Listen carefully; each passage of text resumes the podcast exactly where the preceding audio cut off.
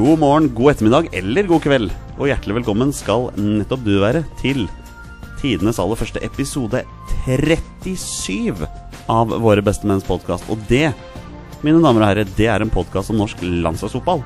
Og hva passer vel da bedre enn å være på plass her på nasjonalarenaen Ullevål stadion?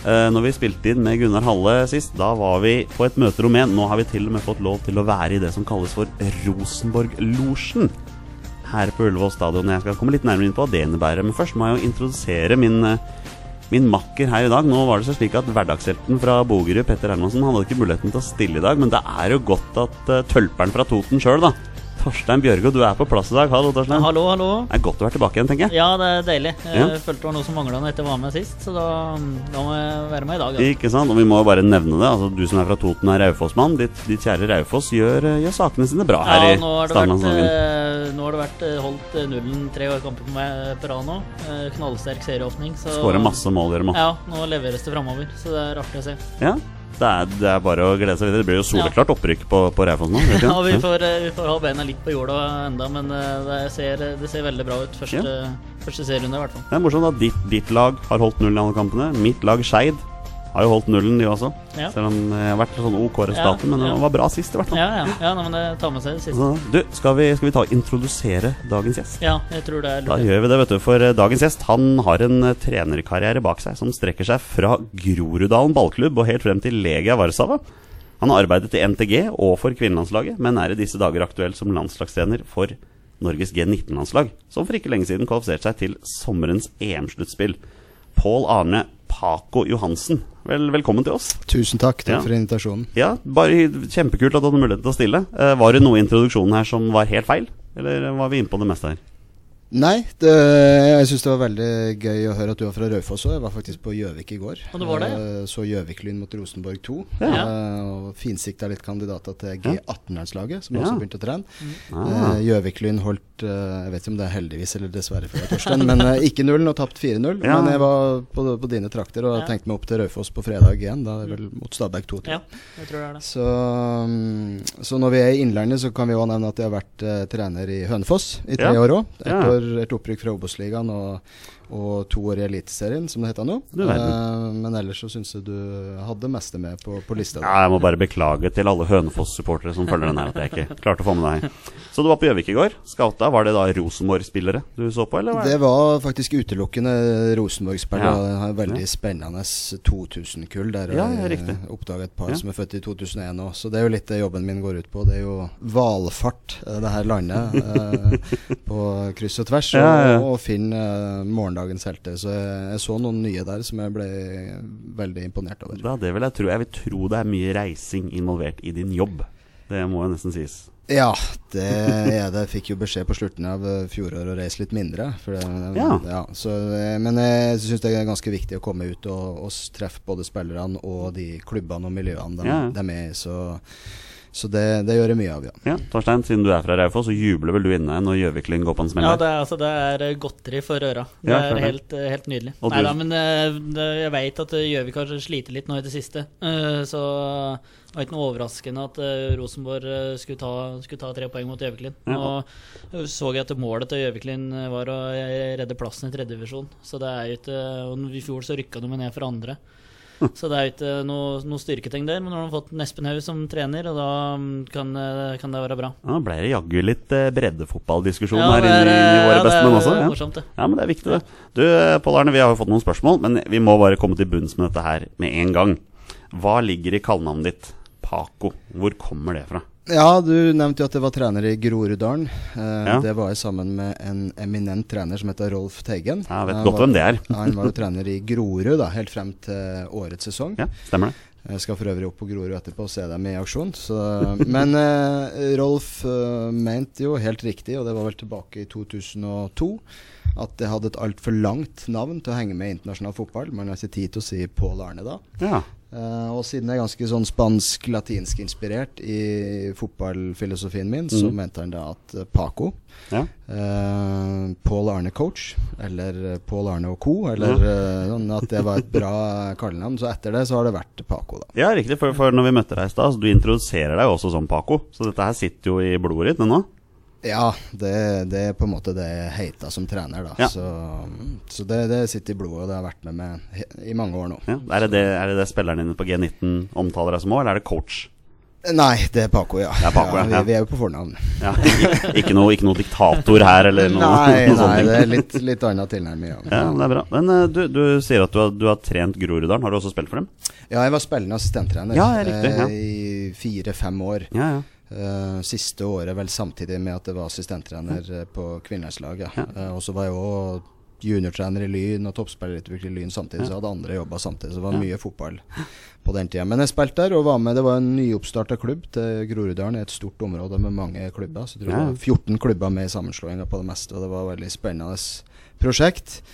Vi rykka opp fra tredje til andre og holdt på å rykke opp videre òg, men klubben gikk etter hvert konkurs og Ja. eksisterer ikke i dag, da. Nei, nei. Men så liksom Grorud, da, som har tatt Ja. over Mm. uh, plassen i seriesystemet og har vært et topplag i andredivisjon i, i Mm. flere år nå. Ja, ja, nei, Du snakker til en Skeid-supporter her, så jeg vet veldig godt om den historien. Og vi kniva jo med Groruddalen, vi.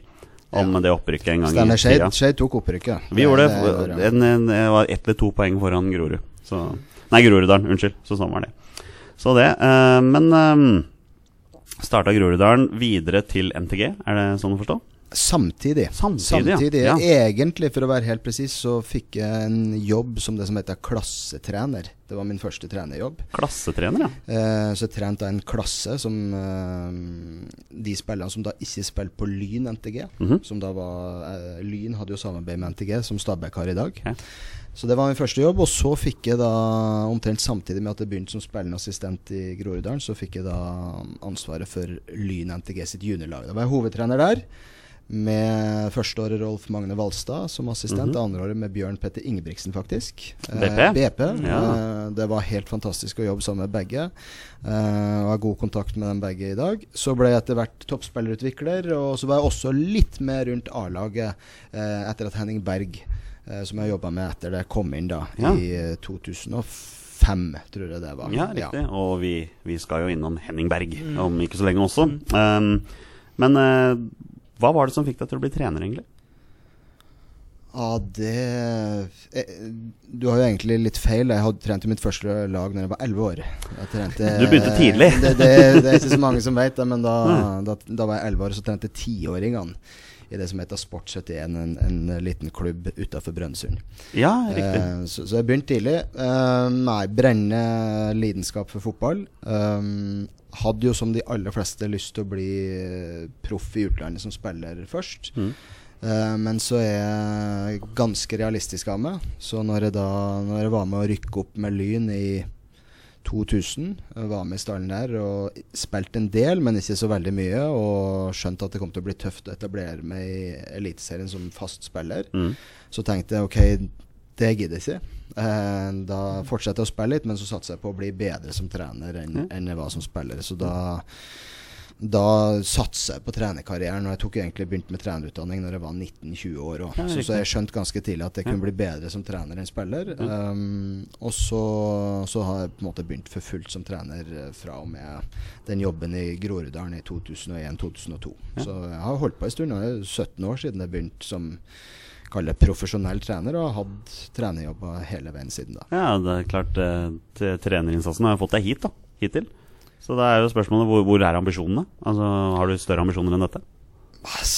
Samtidig som jeg har ambisjoner, så er jeg ganske glad, glad i å leve i nuet. Så akkurat nå er ambisjonen å gjøre det så godt i EM med gutter 19-landslaget at vi tar oss til VM, Ja.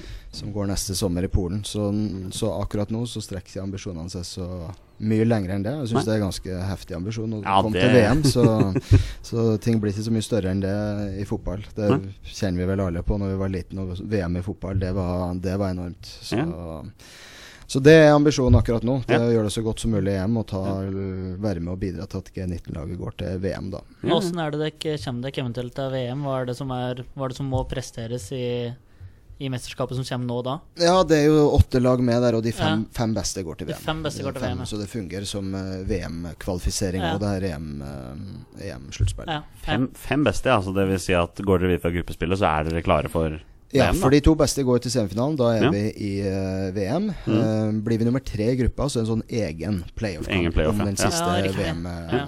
Så, så det er jo en ganske stor sjanse for at vi spiller minst fire kamper i sommer. Nei, altså jeg kjenner jeg har så lyst til at vi skal begynne å snakke om G19-landslaget, så jeg må bare bli ferdig med de spørsmålene jeg har her rundt trenerjobben her. Men du har også arbeidet under Bjarne Berntsen, kvinnelandslaget. Ja, under eller ved siden av. Eller ved siden av, ja. var. Så nei, det var, det var, jeg var jo på kvinnelandslaget i eh, fire år. Ja. Uh, tre av årene så var det jo uh, Bjarne og jeg. Og det fjerde året så var jo Leif Gunnar Smerud, dagens U21-trener, også med. Så da var vi Riktig. tre trenere i, i Ja. teamet. Uh, og det var veldig lærerikt og veldig gøy. Fantastisk spillergruppe. Um, og jeg huska godt første gangen jeg skulle til mesterskap. Det var VM i Kina i 2007. Mm. Så var det snakk om reise og sånn. da Vi skulle reise mange dager før for å akklimatisere og sånn. Men det var liksom spørsmålet når reiser vi hjem. Ja. Og da så folk rart på meg, og da var det liksom Nei, det er jo dagen etter finalen. Ja, ja, eh, og den kulturen som lå i kvinnelandslaget da, i forhold til at vi skal være med helt til medaljene deles ut, Mm. Eh, det syns jeg var spennende. Eh, nå, nå ble vi nummer fire og tapte bronsefinalen. Vi tok det flyet hjem. Vi var med hele veien inn. Og bronsefinalen var samme dag som finalen. Så, så, så det var, var, veldig, var veldig lærerikt å være med der. Og det var jo en, en Altså, det handler om internasjonal fotball. Jeg elsker jo det. Så, det. så det var VM i 2007, og så var det OL i Beijing.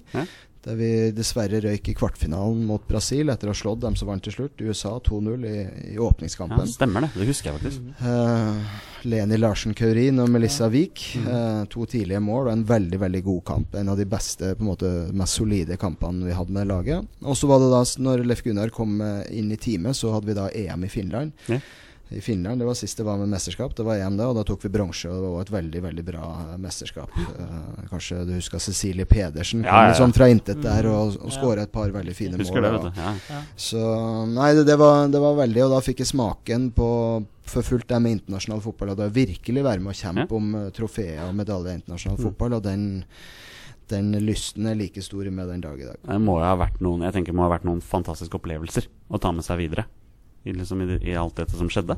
Ja, det, det var det Altså Én ting er jo reise uh, til Kina, USA og Japan og, og sånn, men uh, den største opplevelsen var jo spillergruppa. Okay. For der var det spillere som har gått gjennom ild og torden for å få være med på det her. Mm. Og, um, og som hadde bachelor og mastergrad og hund og kjæreste og to unger ved siden av. Det var imponerende eh, hvordan de greide å.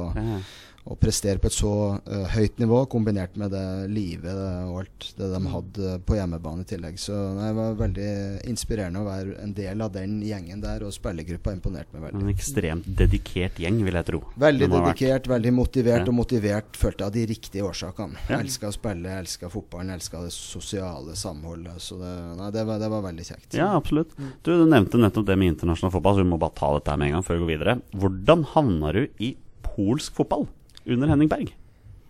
Ja, det var Eller jo- var det ved siden av? Nei, det var jo Det var jo sammen med. Det jo, Ja. Vi jobba jo i team, men det er klart eh, Jeg har jo mest jobba som eh, medtrener eller assistenttrener, og da er det jo hovedtrener som har hovedansvaret og Ja. det siste ordet. Og, og det skrives mest om både når det går bra og dårlig. Klart det. Um, Men Legia Warszawa? Ja, det var Det handla jo om at uh, Henning og jeg jobba sammen i, uh, i Lyn. Mm. Eh, tror Henning følte at vi komplementerte hverandre bra.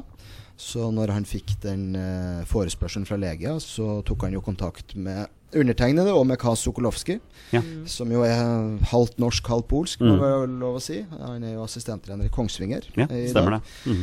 Uh, og spurte om vi hadde lyst til å danne et team da, og da um, var jo Da var vi akkurat avslutta i Hønefoss, Leif Gunnar og ja. Mhm. Eh, så det, det var, jeg synes det var et spennende tilbud, og det var jo muligheten til å få prøve seg som trener i utlandet uh, frista veldig. Selvfølgelig. Det skjønner jeg veldig godt. Det var selvfølgelig ikke så lett å flytte fra ting og tang eh, her i Norge, men uh, i etterkant så syns jeg det var mm, veldig, en veldig flott opplevelse. Mm. Både fordi at Legia, eller Polen er et utland, men også fordi at Legia Warszawa spilte jo Europacup hele tida. Den Ja, europeiske ambisjonen der er litt Rosenborg i Polen. Ikke sant? Så, så Nei, det, det var veldig kjekt. Vi fikk spilt 22 kamper i Europacup og vant vel 16 av dem. Og det, det, var, det var veldig kjekt å være Ja. på den europeiske reisen, i tillegg til at vi vant både serien og cupen Ja. i, i Polen. da Jeg tenker, Hvis du skal tenke norsk målestokk, da. eh, Hvor stor er en klubb som Legia Warszawa? Sånn egentlig. Ja, den har jo budsjett i størrelsesorden med Rosenborg. Okay. Men Mm. slått, du får mer for én slått i, holdt jeg på å si, Ja. ei, krone. Så den er litt større. Stadion er vel 31 000. Ja, riktig. Eh, og ganske ofte ganske full. Mm. Um, så, så jeg vil si at det er litt sånn eh, en og en halv gang en Rosenborg, hvis det går an å si det Ja, sånn. riktig. Eh, sånn sportslig så var det en klubb som eh, eh, Altså Polen er jo ca. 40 millioner, det er hovedstaden. Så det, det er jo ti ganger så mye folk som bor der. Ja. Eh, men, men, eh, men som klubb så vil jeg si litt større enn Rosenborg, og med europeiske ambisjoner, akkurat som, som Rosenborg. da Ja. Så når vi var der, så var vi uheldige. Vi slo jo Celtic. Var, Ronny Deila var jo trener på den tida. Så det Mm. rent norsk trenermøte der i ja. Champions League-kvalifiseringa. Som, som vi vant 6-1 over to kamper, men det var noen byråkratiske feil som gjorde at vi måtte spille Europaligaen uh, Ja. i stedet. Men på én måte så har Champions League vært fantastisk opplevd, men vi, vi vant gruppa i Europaligaen og gikk videre og, og røyk for Ajax da i neste runde. Så, så gruppevinner i Europaligaen, og har Rosenborg vært med litt i Europaligaen og, og blitt nummer tre. og Molde var jo et år og gikk videre. Det, så det er en klubb som har som ambisjon å ta Mm. seg inn i Europa og gå videre fra gruppespillet, særlig når vi er i Europaligaen. Så det er vel litt om størrelsesorden. Så er de jo også kjent, kanskje spesielt for å ha verdens ledende ultrasfan. ja, det har vi De hørt vinner jo den der desibelmålinga hvert år, og det er en voldsom uh, trykk Ja. på stadion. Voldsom. Det er et kor der på 8000 som synger konstant. Dere kjente den, altså? Så ja, og det var, det var triggende. Det, det er klart. Så, men det, det er en ganske stor klubb. eh, og, og når vi kom, så var vel renka som rundt nummer 120 i Europa på den der Uefa-lista. Når vi dro, så var vi vel rundt 70, så vi greide jo å klatre noen plasser. Ja, det er jo men, ikke- eh, det er ikke helt i toppen, men det er en relativt stor klubb. Ja, det er det. Nå fikk vi jo svar på det vi lurte på. Ja, for jeg, lurte Jeg husker jo det der Lega Warszawa Celtic, og det var et eller annet spilleregistrering eller et eller annet som gikk Gikk gærent. Jeg husker ikke helt. Har, er det noe du kan fortelle om, eller er det Ja, det, det var sånn at uh, det var en spiller som heter Bartosz Berezinski. Jeg lurer på om han spiller italiensk fotball nå. Okay. Uh, Genova eller Sampdoria eller noe sånt. Eh, han fikk rødt kort i den siste kampen året før. Mm. Og så fikk han tre kampers karantene. Eh, så sto han over de tre første og spilte inn fjerde. Så sånn sett så var det greit. Men eh, for å, at soninga skal være offisiell, så måtte han da føres opp på spillelista til de første kampene. Så vi tenkte jo han er utestengt, Mm. så da fører vi ikke han opp på lista. Uh, du skal sende inn sånn lista til Uefa for hvert, uh, hver kvalifiseringsrunde. Mm. Så i kvalifiseringsrunden før da hadde vi et irsk lag. Da førte vi han ikke opp, men vi hadde ledige plass på lista òg, så det var bare fordi at vi visste at han var, klarte, klarte. han var uh, ute. Og, og så førte vi han da opp på lista mot Celtic, for da visste vi at han kunne spille i den andre kampen mot Celtic. Ja, Ja. riktig. Eh, så på stillinga 6-1 da, så kom han jo inn de siste fem minuttene. Ja. Eh, 6-1 totalt sett. Ja. Men jeg tror vi har blitt ute bare med det faktum at han satt på benken òg. Ja. uten Ja, at jeg vet detaljene. det. Ja. Men ingen påvirkning på resultatet. Nei. Han hadde stått over de kampene, men han hadde ikke da stått på den lista Nei, til de to første kampene. Så det var jo technicality. Ja. Eh, det er klart eh, ja, Litt men, bittert å tenke på ettertid. ja, altså Hvis du har vært i en fotballklubb, en garderobe, og de ikke har vært i Champions League siden de var i gruppa med Rosenborg, Mm. tror jeg, i midten av 90-tallet. Det var så lenge siden ja. Så det var klart det var en, en stor, stor kraft både i, i, i klubben, men ikke minst i landet. For Ja. landet hadde heller ikke vært i Champions League siden da. det. Så, så at en sånn type feil da skulle velte, det er klart det var bittert. Så heldigvis kom de inn to år senere, i sitt 100-årsjubileum. Uh, var, var litt heldig med trekninga og trakk Dundalk da i den siste.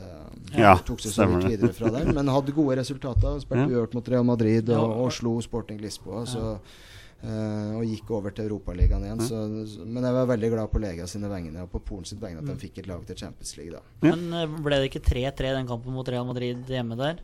Jeg mener det var Og så var det ikke tilskuere på Nei, det, staden? det opplevde vi jo flere ganger. At uh, Ivrige fans, si. Ultras-fans var fantastisk, men òg uh, gikk over streken av og til. Ja. Uh, og det var jo ofte pyro og på ene kampen, åpningskampen og så var det jo da var det jo nyttårsaften der, med raketter og farlig. Så, men det var mer liberalt av det polske fotballforbundet, så de kunne stenge én tribune og sånn. Men Uefa er ganske tøff på det, og det syns jeg på en måte er bra. Ja. Men det er helt riktig, det ble 3-3 mot Real Madrid foran tom, tomme tribuner. Ja, og da, da leda jo til og med Real Madrid 2-0. Så snudde Lega kampen. Så det, nei, det var, en, var en god prestasjon. Nå har vi hatt eh, Det må nesten være tidenes lengste intro her ja, det har vært her sinnssykt gøy. Det Ja. har vært kjempemorsomt. Jeg vet at du er veldig glad i det, men det er en ja, ja, ja, landslagspodkast. ja, ja, ja. Vi, vi må inn på det. det Vi må inn på landslag. Skal, skal vi gå inn på landslag nå? Ja, ja, gjør det. Da gjør vi det. Og der kan det være mål igjen, og det er 2-0 over Brasil. Og det er Flo som skårer, og vi leder etter 16 minutter. Alright, Da er det på tide å komme seg inn på den biten som jeg har gleden meg veldig til her. For vi sitter jo her sammen med en suksesstrener. Vi må jo være såpass ærlige å si det, Paco, for du har ført G19-landslaget vårt til EM. Det må ha vært kjempestort. Ja, det er stort. eh, Og så var det litt som jeg sa i stad, vi har jo ikke lyst til å gi oss nå. Vi har lyst til å Go all the way, liksom. Ja. gå til VM òg. Ja.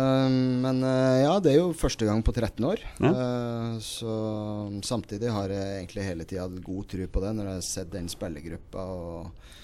Så, så stort, ja, men også Jeg skal ikke si som forventa, men jeg hadde et uh, berettiga håp, vil jeg si. Og Ja. det jeg hadde hele veien. Ja. Eh, Selve, selve kvalifiseringen den startet jo med første kvalikrunde. Da var det et gruppespill hvor dere var i gruppe med Montenegro, Ukraina og Albania. Ja. Hvilket av disse landene var det som var vertsnasjon for dette? Det var Albania. Det var Albania, ja. Starter jo med en solid 3-0-seier mot Montenegro. Ja, solid resultat. Ikke så bra prestasjon. Litt Nei, ok, heldig at vi ja. holdt nullen. Men, eh, men det er nå engang sånn med de her første kampene i kvaliken. Kommer onsdags formiddag, og de aller fleste spillerne spiller jo kamp søndag kveld. Klart det. Så da var det å fly. Det er ganske langt til Albania, sier Ja, det via. Istanbul og sånn. Så det var en hel dag med flying Ja. på mandag. En lett økt på tirsdag og rett på kamp. Og da kan vi ikke forvente at alt uh, sitter. Mm. Så vi var veldig godt fornøyd med resultatet. Ikke så fornøyd med prestasjonen, men fikk en, fikk en god start. Ja. Og så ble det jo dessverre 2-1-tap i den neste kampen. Men Ukraina var vel kanskje favoritten i gruppa? Sånn i utgangspunktet. De var vel det, det var vel førstesida? Ja, det er jo siding, og vi var jo tredjesida. Montenegro ja, det. andre side og Albania Fjerde side, ja. men ganske høyt i den fjerde potten og Ja. arrangør, så vi så for oss at det kom til å bli jevnt. Og Men det blei det jo ikke. Det var det i starten, fordi eh, Albania burde ha tatt poeng mot Ukraina den første kampen. Den Ja. kampen var jo så. Mm. Eh, så det var veldig jevnt i de første kampene. Og det var veldig jevnt mot Ukraina òg. Ja. Da syns jeg vi spilte mye bedre mot et godt lag som også har tatt seg hele veien inn til EM. Ja, ja. Um, og jeg syns vi fortjente minst ett poeng i den kampen, men Ja. de skåra ti minutter før slutt. Og, og det var det. Men, men da gikk jeg fra den kampen med en ganske god følelse at det her kommer vi til å klare. Ja. Eh, vi heva oss veldig prestasjonsmessig. Um, fortjent poeng, men visste at uh, så lenge vi slo Albania, så var vi videre. Ja, og da var liksom, det var det som var tanken deres når dere skulle gå inn i kampen. Med seier så var dere videre. Ja. Og det er klart, når man vinner 7-1, som eh, G19-landslaget gjør, så, så vant dere jo til gangs. Så da må jeg bare stille spørsmålet. Når dere slår vertsnasjonen 7-1, hvordan kom dere dere ut av stadion uten at bussen ble steina eller noen sånne ting? tenker jeg på. Nei da, de tok jo ledelsen òg, 1-0. de gjorde det òg, ja. så, så, men eh, de hadde jo tapt de to første kampene. 1-0 riktignok i begge, og, og burde ha tatt poeng i begge òg, så det var et bedre fotballag enn en resultatet der til seg. Men eh, de mista nok litt motet når det ble 3 og 4-1. Det var 4-1 med pause, og da, da syns vi var gode. Og det var den beste kampen vi spilte der nede, så det var litt sånn Ja. tripp, trapp, tresko. Og, så det, så det syns jeg var en meget god kamp. Og så syns jeg vi fikk frem vår egen identitet, der vi liker å skåre med mål. Uh, og med det resultatet så skåra vi jo 11 i den kvaliken og ble vel det tredje mestskårende laget da i første kvalifiseringsrunde. Ja. Så, så selv om Ukraina uh, også vant sin kamp og vant gruppa, så skåra vi mye mer mål enn dem og spilte, syns jeg, da en bedre angrepsfotball enn det dem gjorde i de tilsvarende kampene. Men avansement ble det.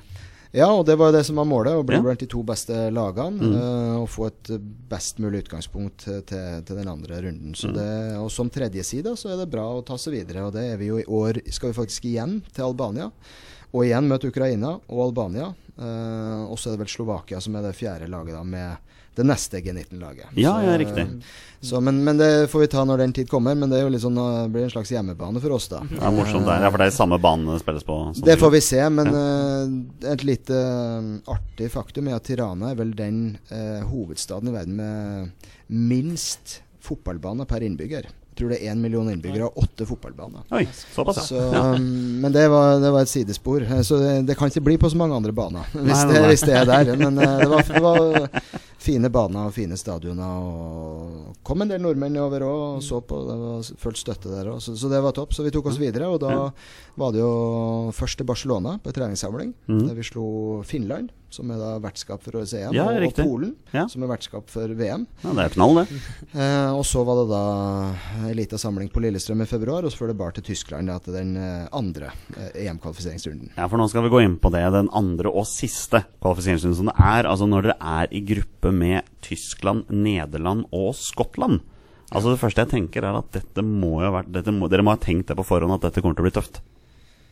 Ja, det kan du si. Vi var jo tredjesida igjen. Ja. Eh, og så tror jeg det er jo sånn med fotball at det høres alltid tøffere ut med navn når du begynner å se, se på spillerne og de lagene vi skal møte. Så Mm. jo, som jeg bruker å gjøre ganske grundig research, så vel Nederland 10-11 gang, Tyskland 10-11 gang og Skottland 8 gang. Ja.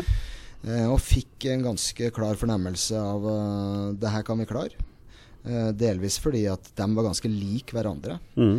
Uh, og jeg følte at de sto ganske godt til oss, at vi kunne få frem det beste i oss mot uh, dem. Og selv om resultatet mot Nederland ble veldig stygt, så ble alle tre kampbildene omtrent som jeg for, forutsett, og styrkeforholdet mellom lagene omtrent som jeg forutsett. Så, så som jeg sa, jeg hadde et berettiget håp, og jeg kan forstå at folk syntes at det var en tøff trekning, men mm. etter å ha sett lagene, så var jeg ganske fornøyd med trekninga. Ja, Men det er klart, det er som du sier, det begynner jo kanskje på verst tenkelig måte med ganske stygge 1-6 mot Nederland der. Eh, hvordan var egentlig den kampen?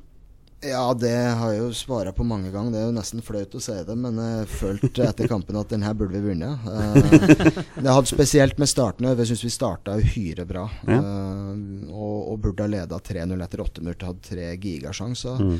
To som ble brent, en som ble feilaktig annullert. Um, og så skåra dem på dem, det de hadde. Leda 2-0 i pause, men jeg følte allikevel vi hadde veldig bud på poeng og kjørt på. Og når de fikk da tre og fire rundt det 70. minutt, så ble det lang vei. Ja. Det er klart. Men eh, jeg tok mer og mer sjanse utover i kampen, og åpna kampen òg, for jeg følte at vi hadde god sjanse til å score. Og det, det skal jeg ta på min kappe at resultatet ble som det ble. Eh, men eh, alle andre parametere enn mål, både sjanser, skudd på mål, ballbesittelse og alle andre ting vi driver mål, for vi måler ganske mye, var veldig jevnt. Eh, og jeg tror jo det var òg grunnen til at vi kunne vinne de to siste kampene. Jeg tror at spillerne gikk derifra og, og visste at de hadde prestert ganske bra, i hvert fall mellom 16-meterne. Og at det var små ting foran begge målene det handla om for å, for å ta hjem poeng i de to siste kampene. Men det er klart, ja. Ja, bare et kjapt spørsmål. Spilte Justin Kluivert i kamper for Nederland da? Nei, de Nei. har jo to spillere av Nederland. Uh, delikt. Ja, han stopperen. eh, og Kluivert. De Ja. er jo født i 99, men de er jo flytta opp på U21 ja, de er det, ja. Som, ja. som også har bud på å ta seg videre i Ja. ting. Så, så de var ikke med. Nei, nei, Eh, riktig. Så de, de var jo med under 17-EM, da. Ja. For da gikk Nederland til semifinale Ja. for to år siden. Men, Ja. eh, men de var ikke med nå. Nei, nei, nei. Der har du vår internasjonale fotballekspert Nei, her i Våre eh, bestemenn. Nei, men jeg veit bare de spilte den uh, Europaliga-finalen mot eh, United. Så var det det som var Jeg har hørt så mye bra om Kluivert nå, så mm. har jeg ikke sett så mye nederlandsk fotball. Så jeg bare lurte lurt på hvor god han var, men da får vi ta det senere. Et lite sidespor inn i internasjonal Ja, ja, ja, men jeg ettersom det var Nederland, så tenkte jeg måtte, måtte Må, må gripe få med det også, men det er klart, man taper 1-6, og da, da har man jo på en måte litt kniv på strupen når de neste kampene kommer, og da tenker jeg da er det Tyskland som står på andre sida. Og det er klart, jeg tror, ikke, jeg tror ikke så veldig mange nordmenn vet hvor uhyre sterkt det resultatet deres egentlig var, for her snakker vi om et, et land med ganske store tradisjoner for ungdomslandslag. Altså, jeg, jeg leste at altså, statistikken til Tysklands G19-landslag var ekstremt solid. Før dere moste dem sønder og sammen med 5-2 der. Altså, snakk oss igjennom denne kampen her. Ja, hvis vi begynner før vi møtte Nederland, så sa vi jo det at uh, Nederland-kampen kan ha tre utfall. Seier, uavgjort, tap. Uh, seier, så setter vi oss i førersetet i gruppa. Uavgjort så det er ok. Tap, så kan vi fortsatt gå videre, men da er vi avhengig av andre resultat. Ja. Eh, så, så det visste jo spillerne at uh, vi var avhengig av andre resultat, og vinne samtidig. Og så tror jeg vi alle trodde at den kampen kunne vi vinne, i og med at uh, jeg opplevde at Tyskland og Nederland var relativt jevne. Og vi hadde spilt jevnt med Nederland, tross alt. Um, så gjorde vi et par endringer på laget, men ikke noe mer. Så ni av de elleve som starta mot uh, Nederland, fikk fornya tillit. Mhm. Ehm, og så satte vi inn uh, Julian Faye Lund i mål uh, fra Levanger. Og Ola Brynildsen fra Stabæk fikk jo sin landslagsdebut. Ja, riktig. Uh, gjorde jo en fantastisk kamp, begge to. Um, så um, Julian begynte med ei viktig redning i starten av kampen, men etter det så syns jeg vi var gode og fortjente å vinne minst 5-2. Det Ja. var jo noen, det var et sjansebonanza der i andre omgang. Og så da var vi veldig solide, og da ble kampen litt sånn at vi kom foran. Vi fikk forsvare oss og kontre, litt som Nederland fikk mot oss. Og det ble store sjanser. Og så hadde jo Tyskland lagt opp til å spille en ganske åpen fotball. 3-3-4. Mm.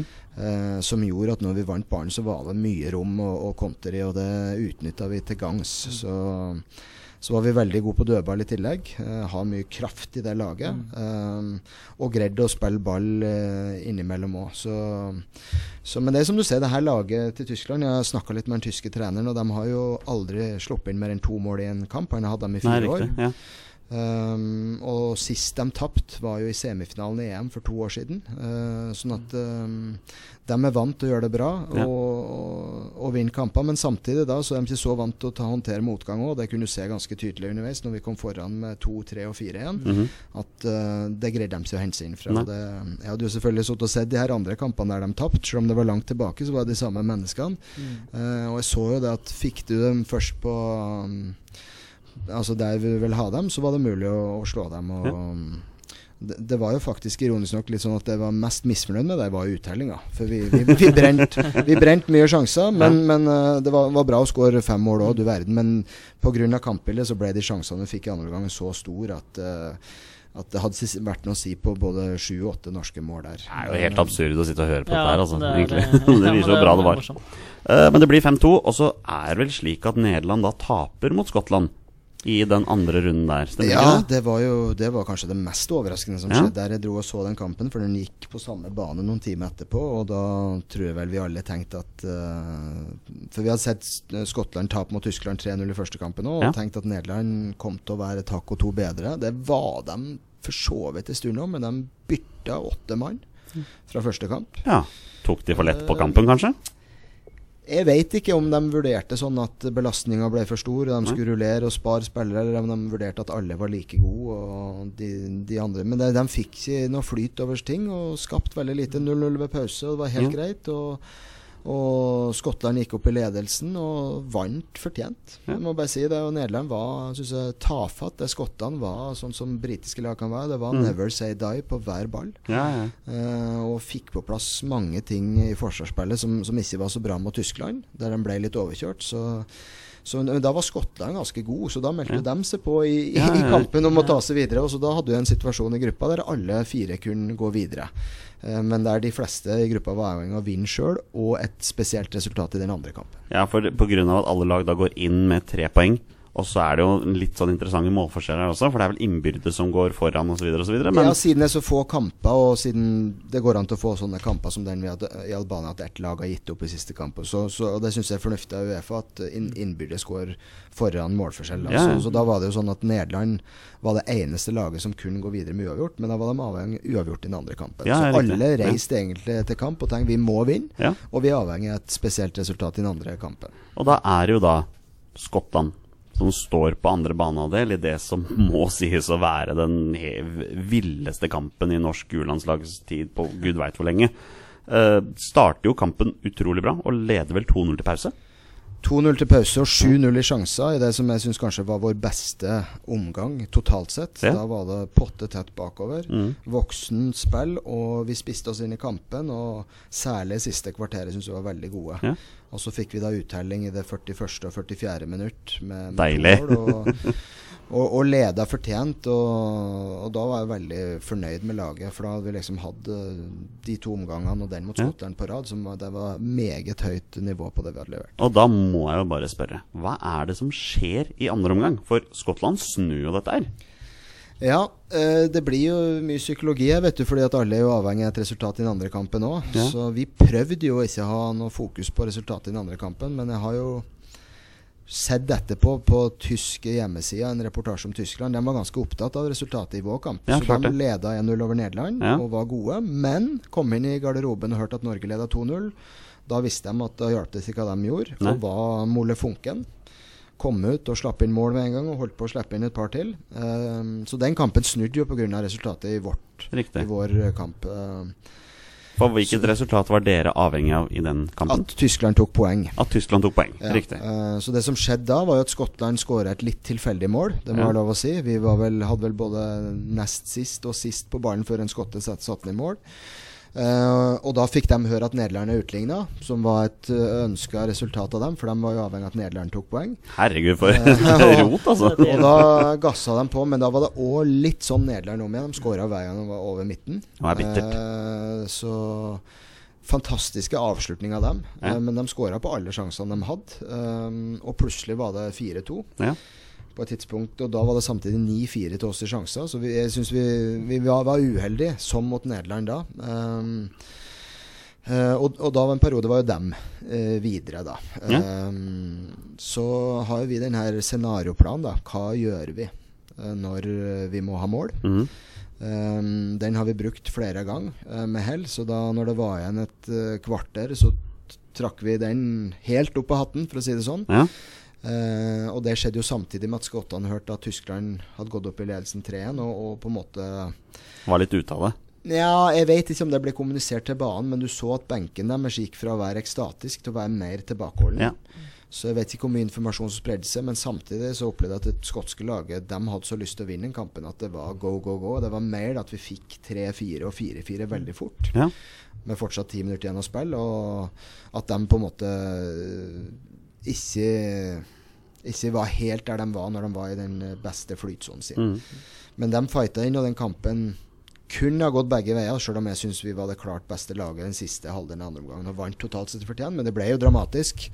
Det, må, det må vi jo si. Men samtidig syns jeg at spillerne og resten av trenerteamet holdt roen, fulgte planen og gjorde det vi skulle gjøre. Og det var det som gjorde at vi skåra de, de tre målene. Så um, Ironisk nok så tror jeg at vi kunne avgjort kampen mye før, det burde vi ha gjort, men da tror jeg ikke vi har gått til EM. For da tror jeg Nederland hadde vunnet den andre kampen fordi at. Tyskland fulgte så mye med på resultatet i, i vår kamp. Et absurd scenario, dette her. Ja, altså. du blir helt dratt med inn og føler, du er på, ser det for deg og føler du er med, nesten. Men det står 4-4. Og vi går på overtid i kampen, så får Norge straffe. Og jeg regner med at du, som, så objektiv som du er, mener at den straffen er soleklar. Det var en klar straffe. Det var jo den tredje straffen eh, i den kampen. Vi hadde jo Ja. samme dommer mot Tyskland, dømte jo straffe mot oss der, og alle fire på samme nedriving i feltet. Ja. Eh, så når han lagt seg på den linja, så mener han var soleklar. Ja. Men det er ikke alle dommere som er så tøffe og tar alle nedrivingene. Mm. Eh, men, men eh, jeg likte han dommeren. Han var kjørte tøff linje på det. Både når det gjaldt kort og, og straffespark. Han liksom, De samme reglene gjaldt innenfor 16 som utafor. Så i, i det lyset så var det veldig klart. Ja. Leo Østegård ble holdt litt Det var litt sånn Tore André Flo i 98. Trøya sto rett ut, og Ja. han prøvde alt han kunne å nå ballen, men ble revet ned. Så det syns jeg var riktig straffespark. Ja. Skottland har fått et helt likt et like før, eller 20-30 minutter før, så, Ja. så, så det var nødt til å bli straffe. Så så det, det som var greia da, var, hadde vi jo spilt inn her scenarioplanen, men da hadde vi jo òg på forhånd i trenerteamet pratet om hva gjør vi hvis vi lykkes med scenarioplanen. Ja. Og går opp i ledelse om å forsvare hjem på slutten. ja. Så det vi var mest opptatt av da, var jo å sette brikkene rett på taktikktavla. Og dersom Erling satt straffen, som vi hadde god tro på, få bort kapteinen og de sentrale spillerne og legge om igjen, sånn at vi greide å forsvare det hjem. Ja. Så, så det jeg egentlig sto der og tenkte på, det var hvilke beskjeder jeg skulle gi til hvilke dersom vi skåra. Så skåra vi. Uh, spillerne sprang ned i hjørnet og jubla, som så hør og bør. Det var ganske ekstatisk. Um, men da fikk vi bort uh, kapteinen og en spiller til, og fikk uh, rada opp en lav 5-4-1 til å ri det inn. Så da, så da var gleden kom vel først når sluttsignalet Mm. gikk noen minutter senere. 5-4-1, det er liksom varg, dette her. Det er heimebane all over again. Men, men beskriv den følelsen når dommeren blåser av den kampen. Nei, den var jo god. Ja. Eh, det er klart, eh, klart den var det. Um, det er jo et mål vi har jobba sammen mot, med, mot i, i litt over et år. Det var et år siden vår første samling. Så, um, så det føltes godt. Og så samtidig som jeg sier, så er det liksom et steg på trappa, og vi har lyst til å ta det siste og gå med i VM òg. Mm. Men det, det var et viktig steg, og den satt jo et stykke inne, for Ja. å si det sånn. Ja, ja. Særlig i, med resultatet i den første kampen. Ja.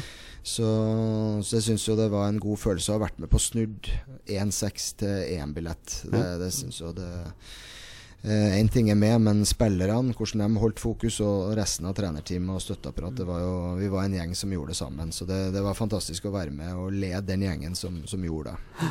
Så jeg sprang jo rett bort og tok et bilde av dem og sa at dere er heltene mine, og det, det står jeg for. Ja. Og det er klart, dette laget, altså spydspissen deres, er jo våre beste menns store kjæledegge. Det er jo Erling Braut Haaland. Altså, fins det en 17-18-åring i, i Norge som er sterkere enn den, den oksen der? Ja, han er 17. Han er jo yngstemann på laget, så guttene Ser jo ikke sånn ut. Mobba han litt for det? Nei, ja. han er jo han, han har vokst Han vokste jo veldig eh, i, i eh, fjor. Ja. Han var jo med til EM for 17-åringer i Kroatia. ja. Og litt sånn inn og ut av laget, og mm. trent veldig lite på den tida. Molde syns jeg gjorde en veldig god jobb, var restriktiv med han i den bratteste vokseperioden. Og så Ja. var det da sånn cirka sommeren i fjor så var han ferdig utvokst i lengde, og da mm. fått guffa på med mer trening og Ja. uh, lagt på kraft da på, på den eh, ramma som er ganske bra. Ja, ja, ja. Så da begynte han jo å, å gjøre seg bemerka også for Molde. Uh, Skåra vel i kvartfinalen i cupen mot Kristiansund. Og fikk et par mål i Eliteserien mm. og, og begynte å vise sine Så det var god timing for oss, da. Så, Ja. så vi tok han med for første gang i september. Da hadde vi samling. Uh, og skåra han sitt første mål for laget vårt. Og så har han jo nå blitt toppskårer totalt sett i kvalifiseringa med ni Ja, ja. eh, mål. Eh, Så tror jeg Erling sjøl vil si at han burde ha skåra mer i, i, i Tyskland, men uh, til hans forsvar Så han fikk mye sjanser, og det er veldig god Det er det nesten det viktigste som spiss, for da kommer du til å skåre. Ja. Så var det òg de tre første kampene hans fra start, og de tre første på gress i, he, i hele 2018 har vært uh, skade- og sykdomsplaga i år. Ja, ja. Så, um, så nå ser du jo at i Eliteserien nå begynner han å markere seg og skåre mot Lillestrøm. Og Mm. gjorde en god kamp. Jeg var og kikka på han nå mot Vålerenga. Ja. Um, så, så han er virkelig på gang. Og han er stor og sterk. Um, lukta mål, god avslutter. Ja. eh, og en av de mest intelligente fotballspillere jeg har trent i forhold til posisjonering, både Ja, ja. offensivt og defensivt. Han er liksom alltid i rett posisjon. Eh, så selv om han er sterk og rask, og sånn, så syns jeg hodet hans er kanskje den største kvaliteten hans. Han, Ja. han har veldig veldig god fotballforståelse. Jeg sitter jo her nå og ser på troppen som var med til den kvalifiseringen. Og det jeg husker jeg beit meg merke når jeg fulgte med på yngre eller U-landslag på 2000-tallet, var at det var veldig mange spillere der som ikke spilte spesielt mye for klubbene sine. At det var mye reservelagsfotball og andrelagsfotball og sånne ting. Men det som har blitt så fint med norsk fotball, det jeg ser jo på den troppen her, her er det veldig mange som spiller regelmessig for klubbene sine. Altså på A-laget. Og hvor viktig er egentlig det i forhold til talentutviklingen? Ja, det er veldig viktig. Og så mener jeg jo det er litt feil å si at det er blitt sånn i norsk fotball. Jeg syns fortsatt det er altfor få okay, unge ja. som spiller fast på høyt nivå. Mhm. Um, vi hadde en kamp mot Kongsvinger her i februar. Mm. Da var mange av de antatt presumptivt beste av våre meldt forfall pga. Ja. at det var utafor internasjonal dato. Mhm.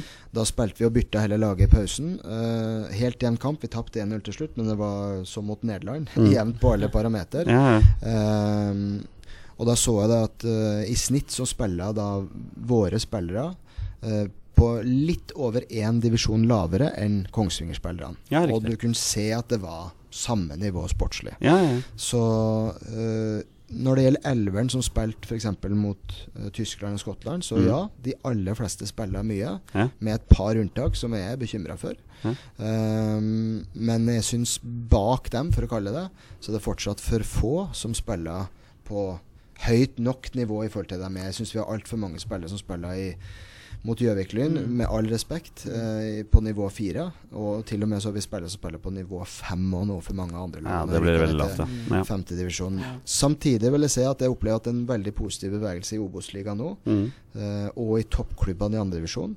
Jeg var så på Fredrikstad her om dagen, Mm. som da har Thomas Rekdal Mm. fast på midten. Han er født i 2001. Anas Farah Ali fast, født i 2000. Ludvig Begby fast. Mm. Eh, og og eh, HamKam i fjor med Markus Solbakken, Nico Mikkelsson, Simen Nordli. Alle unge spillere spiller fast hele året, rykker opp med 18 poeng. Ja. Um, så det er en positiv bevegelse, men jeg vil ha mer. Ja. Jeg vil ha mer av det, og det er veldig viktig. Og jeg tror det er hovedgrunnen til at vi gikk til EM. Ja. Det at de spillerne som var på banen, har fått nok spilletid i Obos og Eliteserien. Ja. Men jeg vil ha mer, og jeg mener at det er ikke noe, bare noe jeg vil ha, det ville ha vært riktig òg. I Norge så opplever jeg at det året de blir 18 år, så har Mm. vi en 30 spillere hvert år som er gode nok for å spille minst i Obos. Så det er fanesak for meg. Og at de kan spille på enda høyere, høyere nivå. For det, det er fint på Gjøvik, Ja. men det var med all respekt litt for lett motstand Ja. for mange av de 2000- og 2001-guttene til og med Ja. på Rosenborg 2 i går. Og, og sånn tror jeg det er i, i litt for stor grad. Må jeg stille deg spørsmålet. Se for deg når, du nå, når, eh, når dere stiller til start, første kamp i EM. Eh, si at du har en helt skadefri tropp. å velge mellom. Hvem er bærebjelkene på dette G19-landslaget? Altså, hvem er de første du tar ut på blokka? Ja, det er jo ehm, Kanskje litt vanskelig spørsmål å stille til treneren. Nei, nei, men det, det er jo vi, vi har jo fire spillere som har spilt samtlige minutter. Ja. Uh, det er jo Tord Salte, Mhm. eh, Leo Østegård, Ja. stopperne. Ja. Eh, Spiller er jo Viking begge to.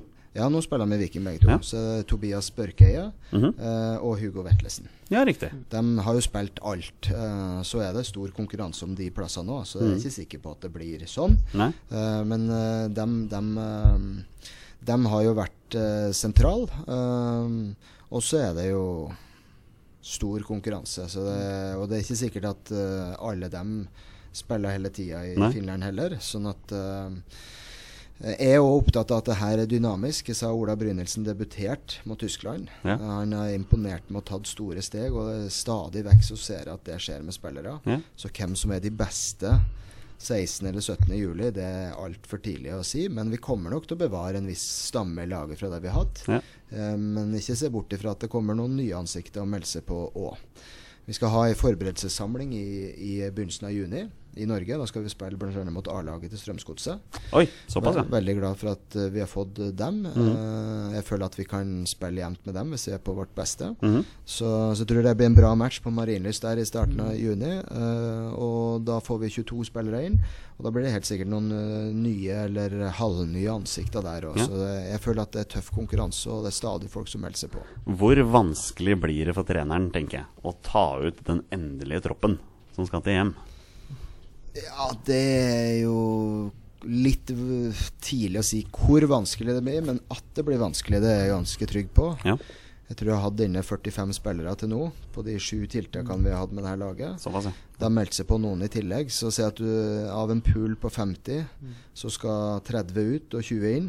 Det er klart at det er ikke noe lett. Um, så handler det jo først og fremst om hvor gode spillerne er, men òg litt hvem vi trekker. Hvordan jeg ser for meg at kampene kommer til å bli, og hva Mm. vi trenger i de ulike kampene for å ta oss videre fra gruppa. Ja, ja. Nei, det er bare Vi, er, vi gleder, jeg gleder meg. Ja ja, det Det- blir uh, morsomt. Det blir gøy å ha noe annet å se på i sommer. eh, Ikke bare det store VM, da. Nå skal være i Russland også. Men Nei, det er jo, vi liksom, det er jo EM for 17-åringer først. Så er det Så er det VM, VM og så er og så er det dere. EM. EM. Ja. Vi begynner vel dagen etter VM-finalen, så det, det går slag i slag. Så dere blir desserten, kan du si, da, for oss fotballinteresserte. Gjerne det. Gjerne det. Og så finter det Flo, og skuddet i mål! Og vi leder 5-0! 5-0 til Norge over Sveits, og Flo skårer også i dag! Ja, dette har vært, eh, vært litt av en episode, Torstein. Det er jo utrolig fascinerende å sitte og høre på Paco snakke om dette her. Ja, du er med på et eh, eventyr, føler han sjøl, som føler at han er en del av G19-landslaget. Det blir jo en G19-spesial, dette her. Ja, ja, definitivt. Men eh, Paco, vi har jo bedt deg om å gjøre noe som vi vil at alle gjestene våre skal gjøre. Og det er jo da det vi kaller for gjestens beste menn. Hvor da gjesten setter opp eh, sitt drømmelag. Og vanligvis så setter jo da gjesten opp eh, drømmelag med spillere som han har spilt med på A-landslaget. Nå har jo dessverre ikke du noen A-landskamper Nei. å vise til. Men eh, var du på noen periode, var du på noe tidspunkt i din karriere aktuell for noen landslag? Altså yngre landslag? Jeg var vel akkurat ikke god nok. Jeg var på kretslaget til Nordland. Ja. Eh, og var med på noe som heter landsdelslaget til Nord-Norge. Ja, ja. Så vi var nede, jeg var nede i Porsgrunn på de her samlingene Ja. begge årene og var vurdert, men vurdert for lett. Helt riktig, etter min vurdering. Eh, så det, så det syns jeg var, var treff. Um, ja, eh, men jeg har sett og vært engasjert i landslagsfotball eh, uhyre mye. Ja. Så, så jeg har jo satt opp et eh, lag, da. ja, Det er bare å kjøre på. Nå er vi spente her. ja. Eh, jeg vil jo si først Det gjør jo de fleste trenerne, og det er jo fordi at det er helt riktig. Det er ikke lett. Eh, og jeg vet at det kanskje noen som jeg har jobba med og jobba med, blir skuffa over at de ikke er på laget. Eh, men Sånn er det. Ja, sånn er det. Eh, men man må være kynisk som trener Ja. og beinhard. Man må ta ut de elleve man har mest tro på. Ja.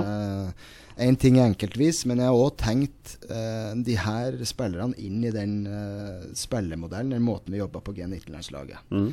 Um, så det betyr at eh, vi i forsvar varierer mellom å spille 4-4-2 og 5-2-3. Ja, okay. Så spillerne er tatt ut med, med hensyn til det. Spennende. Eh, og så spiller vi jo en sånn WM offensivt. Okay. Um, som en slags sånn 2-1-2, eh, 2-3. En moderne, fotball, moderne fotballtanker her, altså. så det blir vanskelig å presentere det uh, per radio, men jeg skal prøve.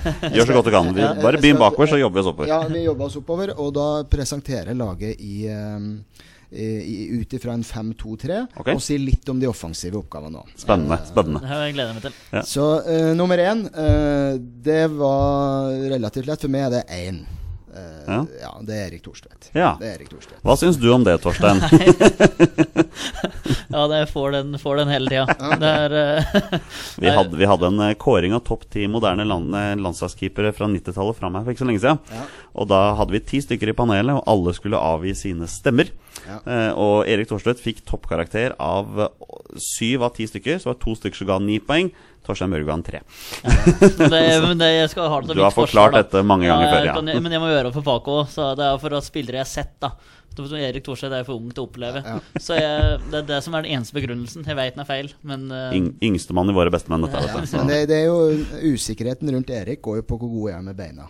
Eh, Ja. For det er jo på den uh, tida så, så fikk de jo lov å ta ballen eh, i hendene. Det er jo latterlig å se på kampene fra den tida. Eh, uh, og også at til lag brukte mer for å hale ut tida. Bare spille ja. tilbake og spille Mm. tilbake. Men det er sidespor. Uh, så, men han tvilen til gode. Han har en sønn nå, Christian Thorstvedt. Ja, han spiller vel spiss eller sånn i Hengespiss på Viking. Ja. Var i Stabæk i fjor. Har gjort to veldig gode kamper nå. Skåra mot Åsane. Mm. Så jeg går god for Erik med beina nå, for det er viktig for meg. Eh, Ja. Men jeg har ikke sett det. Men det er til hans forsvar. Han trengte jo å bruke det på den tida. Ja. Men han var, han var en bauta Mm. eh, på den tida jeg på en måte begynte å se på landskamper, og var med og tok oss til det mesterskapet. Og jeg syns Ja. jeg var ordentlig god. Ja.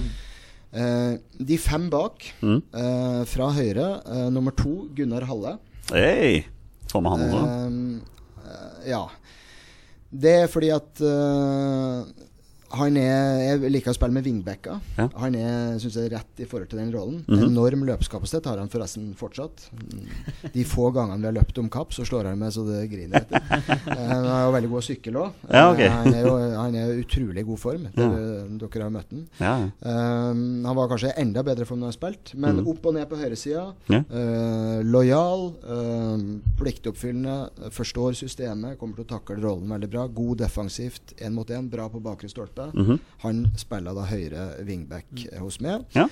Uh, høyre uh, midtstopper blir da uh, kaptein på laget. Uh, nummer fire, Rune Bratseth. Rune Bratseth, Som jeg mener er tidenes beste norske landslagsspiller. Ja. Rett og slett. Han var jo en uh, bauta, han og han og Thorstvedt var liksom For meg var det stort, altså, med dem. Og veldig god defensivt, enorm rekkevidde både langs bakken og i lufta. I tillegg målfarlig på dødball, og han hadde jo et raid her, jeg vet ikke om dere husker det, mot Kypros. Jo, jo, jo, det har vi sett mange ganger. Som er et av Norges uh, beste landslagsmål. Så Ja, ja.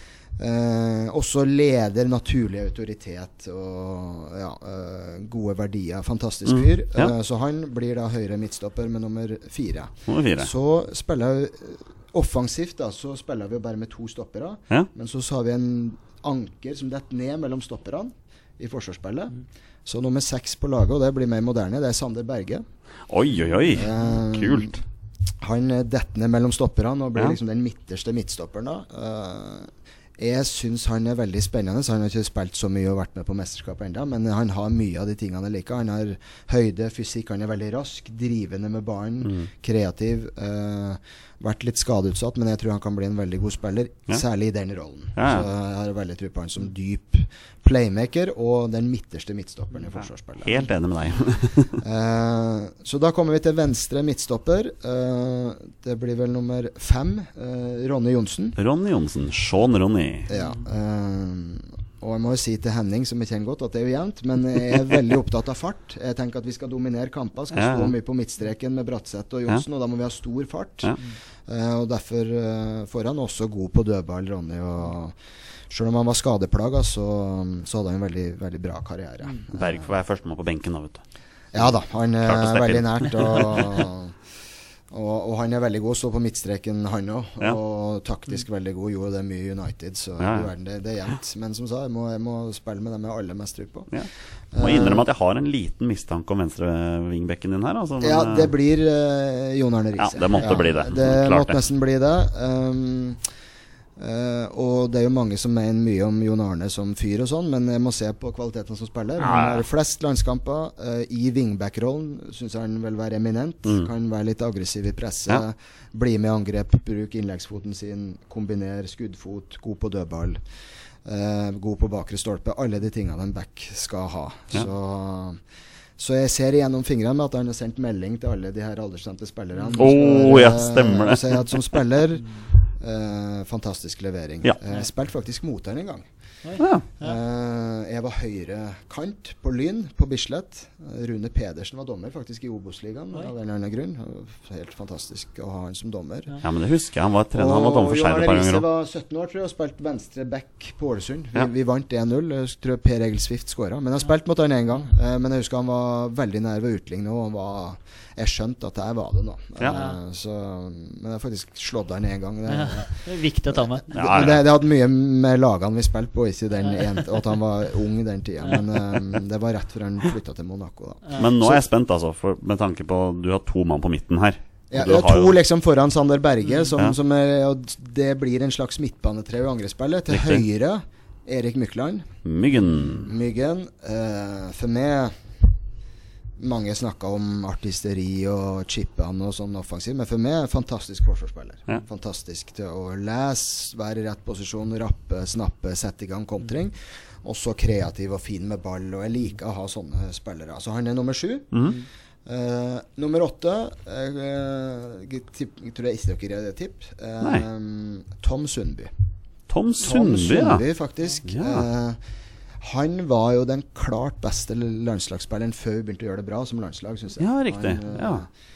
Så jeg tenker han i den rollen, som en slags sånn venstre, dyp indreløper. Mm. Uh, så med nummer åtte der, Tom Sundby, Ja. eh, var mye skada han òg, men for meg fantastisk spiller. Her vraker du mange store navn, altså.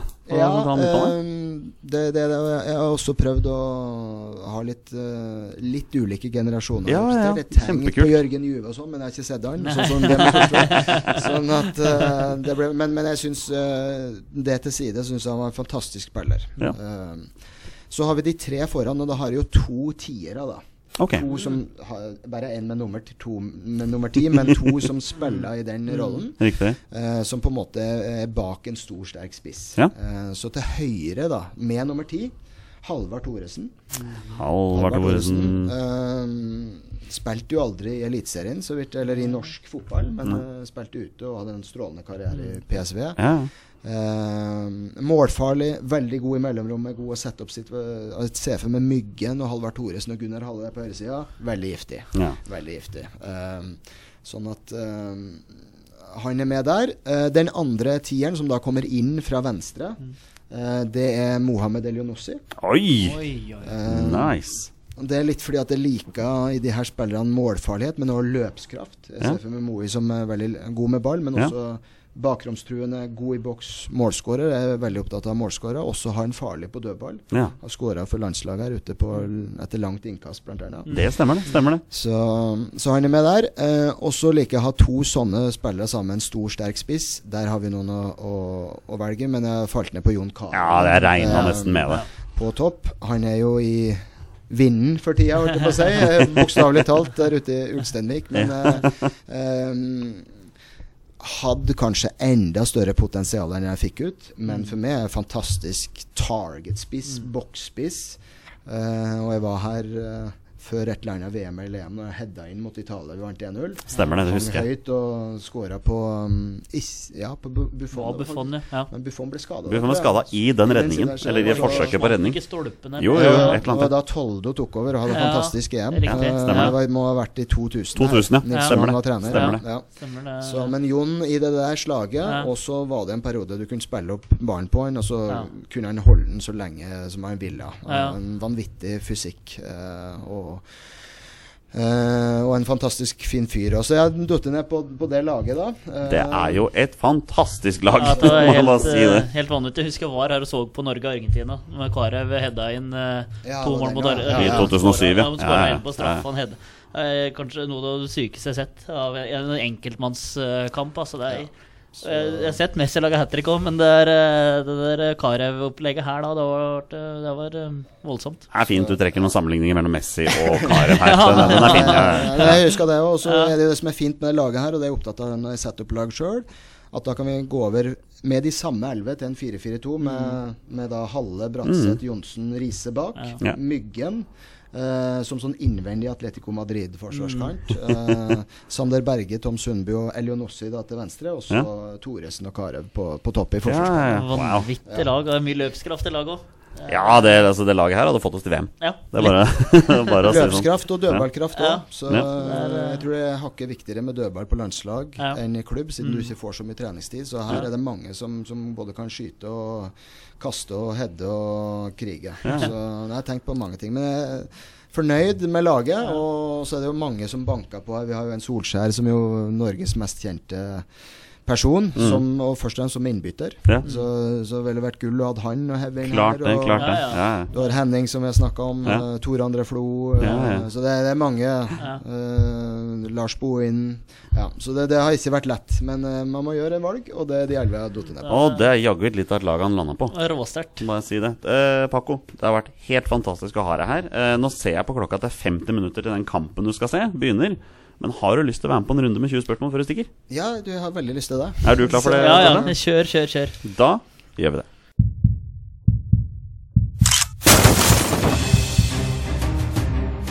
Er han nåværende landslagsspiller? Er han utenlandsproff? Er han fortsatt aktiv? Er han back? Har han spilt for Rosenborg? Mine damer og herrer, det er nå tid for 20 spørsmål. Og da, mine damer og herrer, er det på tide med en ny runde med 20 spørsmål her i Våre bestemenn. Torstein Bjørgo, du er klar, og for første gang noensinne i denne podkastens historie skal du lede dette her sammen med en gjest. Og dagens gjest er jo da Pål Arne Paco Johansen. Jeg begynner bare, vi går for Paco, vi. Vi går for Paco. Vi bare gjør det så enkelt. La oss ja. gjøre det. Og du har blitt forklart reglene her, Paco, så du er, du er litt innforstått med hva dette innebærer? Jeg har i hvert fall blitt dem forklart, ja. Ja, ja, ja. Graden av innforståtthet får vi se på. Det, det får komme etter hvert, og Torstein, du får hjelpe ham på vei. Ja, hvis det er det skal jeg gjøre til beste evne. Jeg gir publikum en kjapp eh, runde med reglene. Eh, Torstein og Paco har da 20 ja- og nei-spørsmål på å komme fram til navnet på den spilleren jeg har valgt. Og det er da en spiller som har minst én A-landskamp for Norge. Og bonusregelen her i Våre beste menn er som vanlig gjetter de navnet på en spiller, er spillet over, og de har vunnet eller tapt. Da spiller vi 20 spørsmål. Vær så god, gutter. Yes, jeg lar den gå til Paco med en gang. jeg. Ja, eh, jeg prøver meg på noe så enkelt som å spørre om Er det riktig at denne spilleren har spilt mer enn ti landskamper. Ja. Så han har spilt mer enn ti, ja. Ja. Da har vi en, eh, kanskje en kjent, kjent herremann å gjøre med, da. Ja, ok. for det. Ti, ti pluss. Da, da må du Ja. Uh, Ja.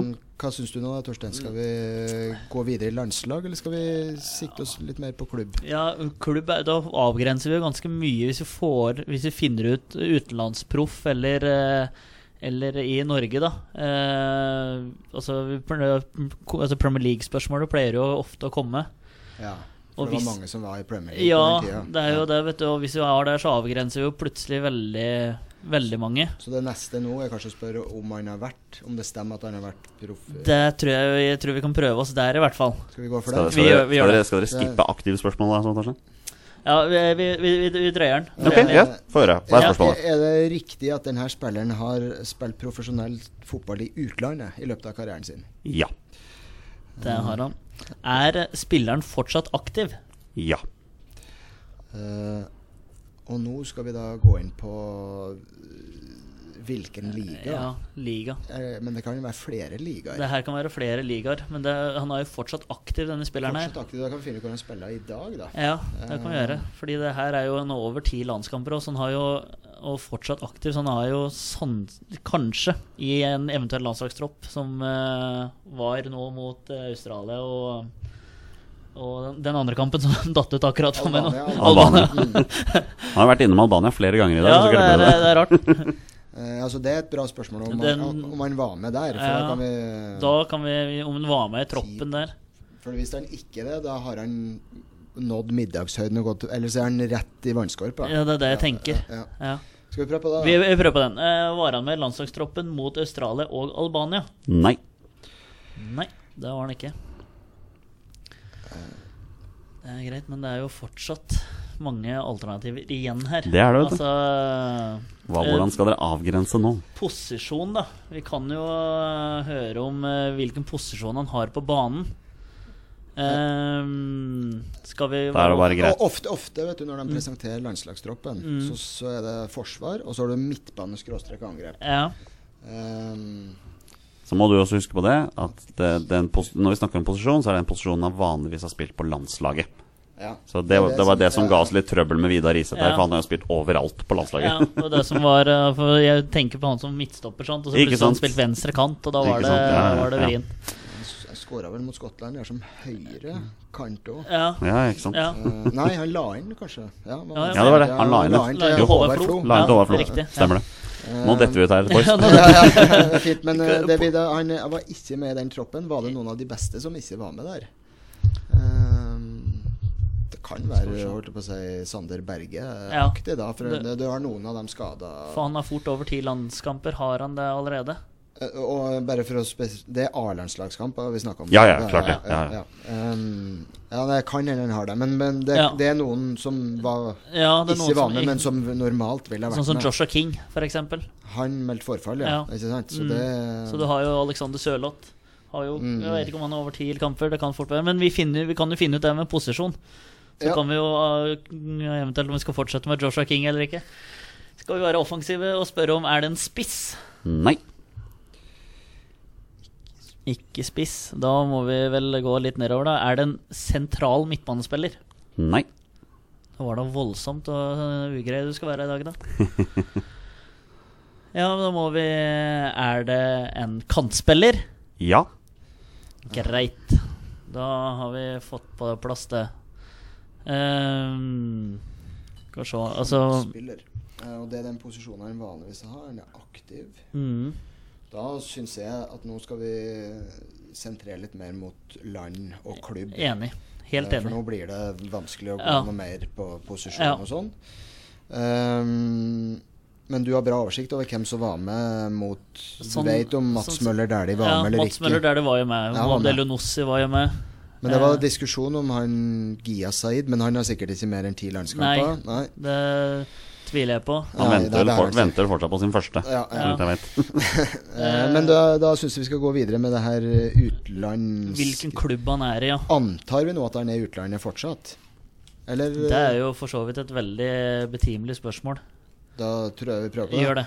Stemmer det at han er, er, spiller utlandet for øyeblikket? Ja. Yes, Um, den er grei. Og da kan vi gå inn litt på Land, da. ja, hvis, vi, hvis vi da kan trekke en sånn strek gjennom Europa og spørre det nord for eller sør for, er ikke det en Den variant? er, den er fin. Den er fin. Um, så hvis vi da tar uh, um, Du har to varianter der du kan kjøre ned over Spania, under Frankrike. Altså legg Mm. Spania og Italia, men der har vi ikke så mange av det.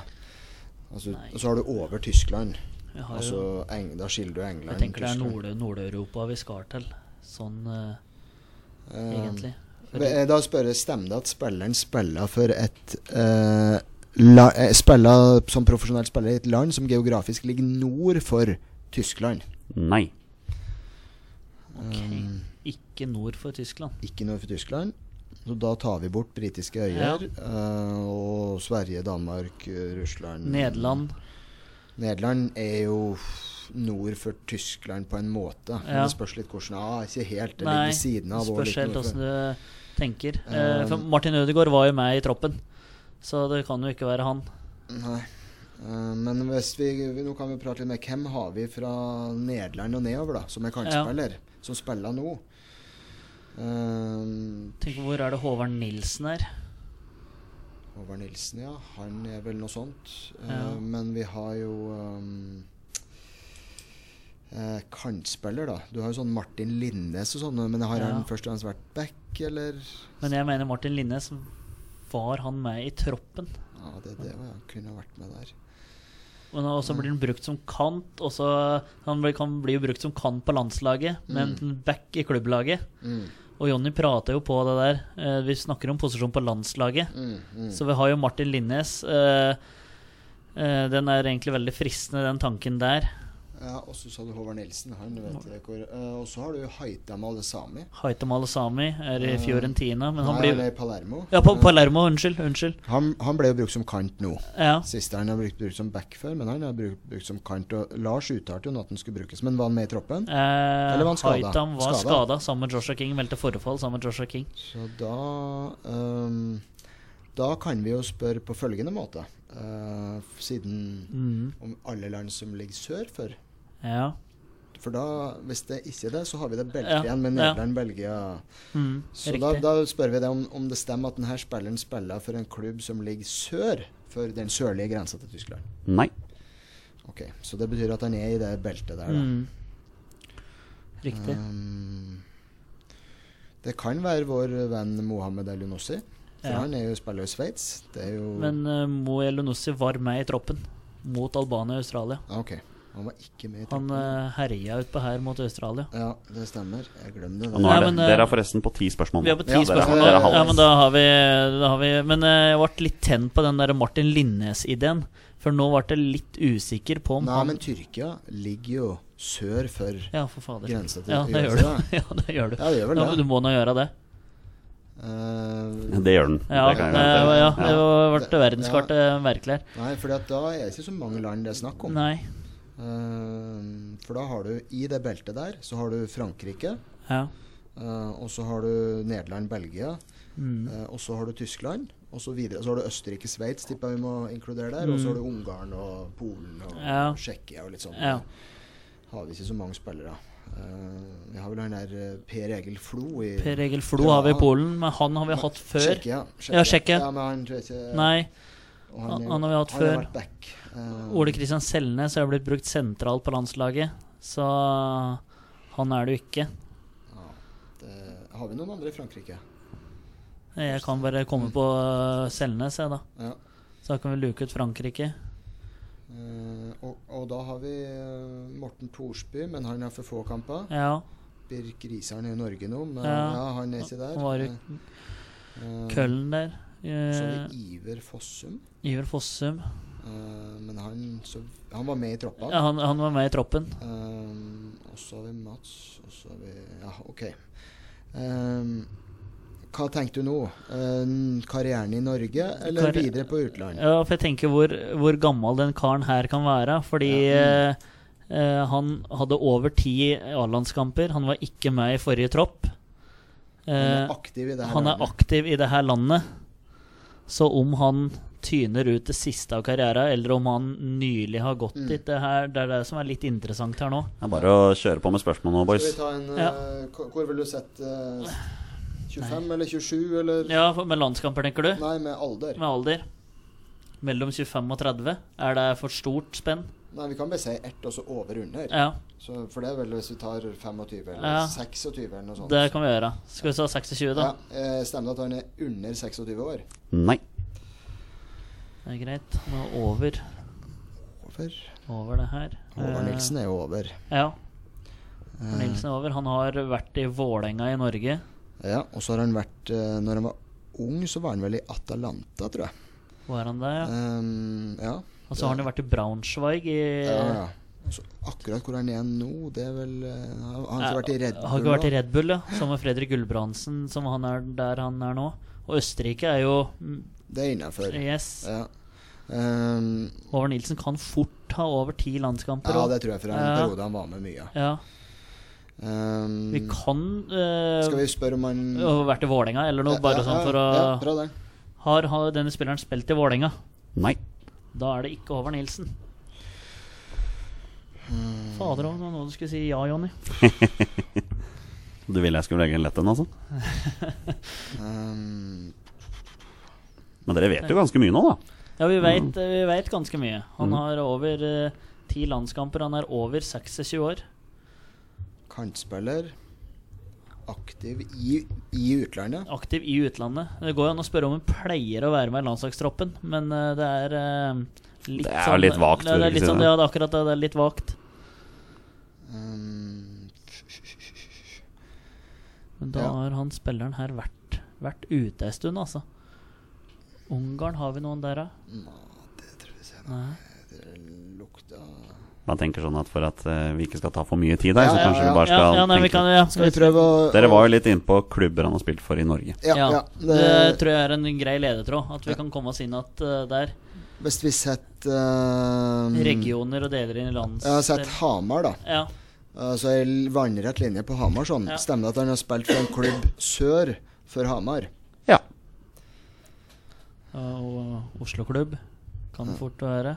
Men da er det de fleste klubbene, da, Ja. så det hjelper ikke så mye. Neida, det hadde men, vært eh, bedre hvis den Men vi kan jo gå inn på draktfarge, da. For da vi vet, du vet jo at den ikke har spilt for Vålerenga, denne spilleren. Ja. Um, Jeg vet, ikke, jeg vet ikke om det der er en farbar Er det ikke bedre å finne ut hvilken land han er i nå? Det bruker vi færre spørsmål Ja, på. vi Det er ikke så mange land å velge mellom. det kan da ikke være det. Um, Du har da- beviselig mer kontroll på verdenskartet enn meg akkurat, uh, akkurat nå. Ja, men uh, hvis, hvis vi, uh, vi Vi kan spørre Nederland, Tyskland, Ja. Østerrike, Sveits. Det er jo det er Ja. sannsynlig en av de fire. ja. Det går jo an å spørre Har spillerne i og så ramse opp et av de landene. Ja. Altså som, som, som en sånn sammensetning, da. Ja. men uh, Ja, vi Men kan da ta, ta to, da. ja, ta to og to. Spiller han i Nederland eller Tyskland? Nei. Uh, spiller han i Østerrike eller Sveits? Nei. Ok. Det er 15. Det er Så da er dere fem spørsmål igjen. Og husk på at ett av de spørsmålene må jo da være gjette navnet på jeg tenker så fort vi har landet, så har vi spilleren. Det, Ja, nå, så han er ikke i et land som er sør for Tyskland, eller er ikke nord. Nei. Så da Og så har vi ikke Nederland. Altså ikke Nederland. Da, har- da har vi Belgia. Har vi noen i Belgia nå? Vi har Sigurd Rosted, men han er Han er midtstopper. Nei, det er akkurat det. Og vi har Sander Berge. Um, så vi har Frankrike. Vi har ikke spurt om Belgia. Og vi har ikke spurt om de landene uh, østover der. Nei, Uh, da har vi Rush Nei. Skal vi prøve med Frankrike og Belgia? Frankrike og Belgia. Det blir nummer 16. Ja. Ja, derfor, ja. prøver vi det. Eh, Stemmer det at han spiller Frankrike eller Belgia? Nei. Ikke Frankrike eller Belgia. Nå, nå tenker de så det knaker her, Ja. ser jeg. Nå, Kantspiller. Så skal han produsere litt på landslaget. på landslaget. Og han var ikke med i landslagstroppen mot Australia. Han er utenlandsk i et lag som ikke er nord for, og Og- ikke sør for Tyskland. Nei, over 26 år. Og han spiller ikke i Tyskland, Nederland, Frankrike, Belgia, uh, Sveits Altså det Nei, det kan ikke være det. Mm. For jeg bare tok meg friheten til å nevne Stefan Johansen inni mitt eget hue. Men eh, Men da er vi jo på det britiske øyer, og der eh, bestemte vi oss for at det der er vi ikke. Ja, Dere, har- det- dere har tre spørsmål igjen, og så Ja. må dere gjette navn på en Men eh, spiller det det. britiske øyer er jo nord for Tyskland. Ja da, så det, det har dere fått dekka. ja, ja. Den er dekka, den. Så, så da må vi jo østover. Ja, det er ikke flere men- land igjen. Men er du hard i Russland, da? Har vi nord i hele tatt der? Men det er nord for, vet du. Ja, stemmer det. Ja. Det er nord for. Ja. Det, det, det, det må være noe sånn Tsjekkia, Ungarn, Polen-aktig. Eller videre den veien. Har vi noe sånn Kasakhstan Det blir langt, altså. Og USA, da. Jo Inge Berga. Hvor han spiller han nå? Han er i USA. Han er i USA. Han har uh, spilt kant for landslaget. Spiller spiss der nå, for han gikk jo dit for han skulle spille spiss. USA sånn geografisk, det er vel uh både sør og nord for Tyskland, men Ja, men du, du spurte jo spesifikt om Europa, da. I stad. ja, ja. Du holdt deg innafor det. ja. Mm. Og da spurte uh, spilleren i et europeisk land som er nord for eller sør for? Det gjorde du. Ja, riktig. Ja, da tror jeg vi Da tror jeg vi skal prøve på å spørre om USA. Altså. Ja, gjør det. Gjør det, Stemmer det at spilleren spiller i USA? Ja. Yes, Den er grei. Og der har vi Ola Kamara, men han blir brukt som spiss på landslaget. Ja. Uh, vi har Og det, det med Jo Inge Berges, han har jo spilt på Lyn. Han har spilt på Lyn, han har spilt på Gran. Han har, Ja, ja, ja. han har spilt på uh, Molde. Ja, men han har også spilt sør for Hamar. Så Ja. Måten han sa det på, tyder på at han kanskje har spilt for en klubb lenger nord òg. Ja. Så, men vi har jo um, eh, Vi har jo Malmö-spørsmålet vi kan ja. dra opp. Ta, spør om hun har spilt i Malmö. Ja, skal vi se. For da, da er det jo Da er det bankers. Ja, for da er det bare Wolf Magnus. Wolff Eikrem, og han har jo brukt sentralt på landslaget. Ja. Og han er òg i USA nå, men uh, den uh, kan det ikke være. ja, og vi har ikke så mange flere der. Nei men vi prøver det. Ja. Har eh, han spilt for Malmö? Ja. Skal vi se. Og da Da har vi har 18. Skal vi spørre eh, Nei, Skal vi, har han skåra to mål for Norge mot Kroatia på Ullevål? Altså, jeg mener han har skåret ett og et halvt, for det, det jeg mener andre er selvmål. Da er Så siste spørsmålet Er det Johan Inge Berge Gutter, det er Ah, Jo. Inge Berge. Du dro den i land. Dere dro ned land på spørsmål 20. Ja, det er sterkt. Paco. Jeg begynte å tenke på når dere begynte på Europa der, om dere kom til å grave dere bort. Altså, det var jaggu ikke langt unna. Nei, det var uh, sterkt. Uh... det, nei, for du spurte jo spesifikt om han spilte for et europeisk Ja, ja, ja. land, ikke sant. Så, Ja, det var, så der var det Derfor ble det så mye nei bortover det beltet der, ja. Ja, ja. Men, men dere klarte det. ja. Ja. det veldig bra, Torstein. Ja. Ja, like måte, Paco. Det er du som jeg, jeg, jeg har jo trent broren til Jo Inge Berge. ja, det var det. Ole Petter Berge Hønefoss. Riktig, Så riktig. Han er fra de traktene, Ja, så Ole Petter, ja, ja, ja, riktig. Så du har ikke trent den i Lyn, altså? Jo Inge? Han- Nei, eh, jeg ga meg vel der og begynte på kvinnelandslaget rett før han eh, begynte der. Da. Typisk, men, altså. Men jeg har fulgt han gjennom hele karrieren, og veldig, veldig gøy at han Ja, har gjort det så bra. ja. Det, det er det. Og vært med på store ting i Malmö, og, og med landslaget òg. Ja. Ja. Gutter, dere kom dere i land på spørsmål 20, og jeg vet, du er nå letta, Torstein. Ja, Nå er jeg det letta. letta. Det her er uh, forferdelig følelse å gå Hadde- inn at jeg skal se på Liverpool-Roma med det, at det her Men det gikk skeis. hadde vært kjipt å ta med den her til Petter, som Ja, ja. elsker 20 spørsmål. ja, ja, men vi, jeg tror vi hadde egentlig kontroll. Ja. Vi bare holdt uh, publikum på Ja. pinebenken. Men det var gøy, det, Paco. Ja, det var veldig gøy. Ja. Veldig gøy, og du får bruk for mange eh, aspekter av Ja, ja. kunnskapstreet, så det var veldig kjekt. Nå ser jeg jo at tida begynner å løpe fra, så vi skal avslutte nå. Jeg vil bare si det en gang til, Paco. Tusen, tusen takk for at du har hatt mulighet til å stille for oss i dag. Det har Bare hyggelig. Det eh, var en ære å bli invitert, og, og jeg syns det er veldig Ja. bra det dere driver med. Så fortsett som dere gjør. Det. kjempehyggelig å høre. Torstein, du, vi har kost oss i dag. Ja, Altså. Ja. storkos meg. Ja. Helt, helt supert. Da er det bare å avslutte sånn som vi pleier. Vi er våre bestemenn. Heia Norge. Hei, Norge. Og hei!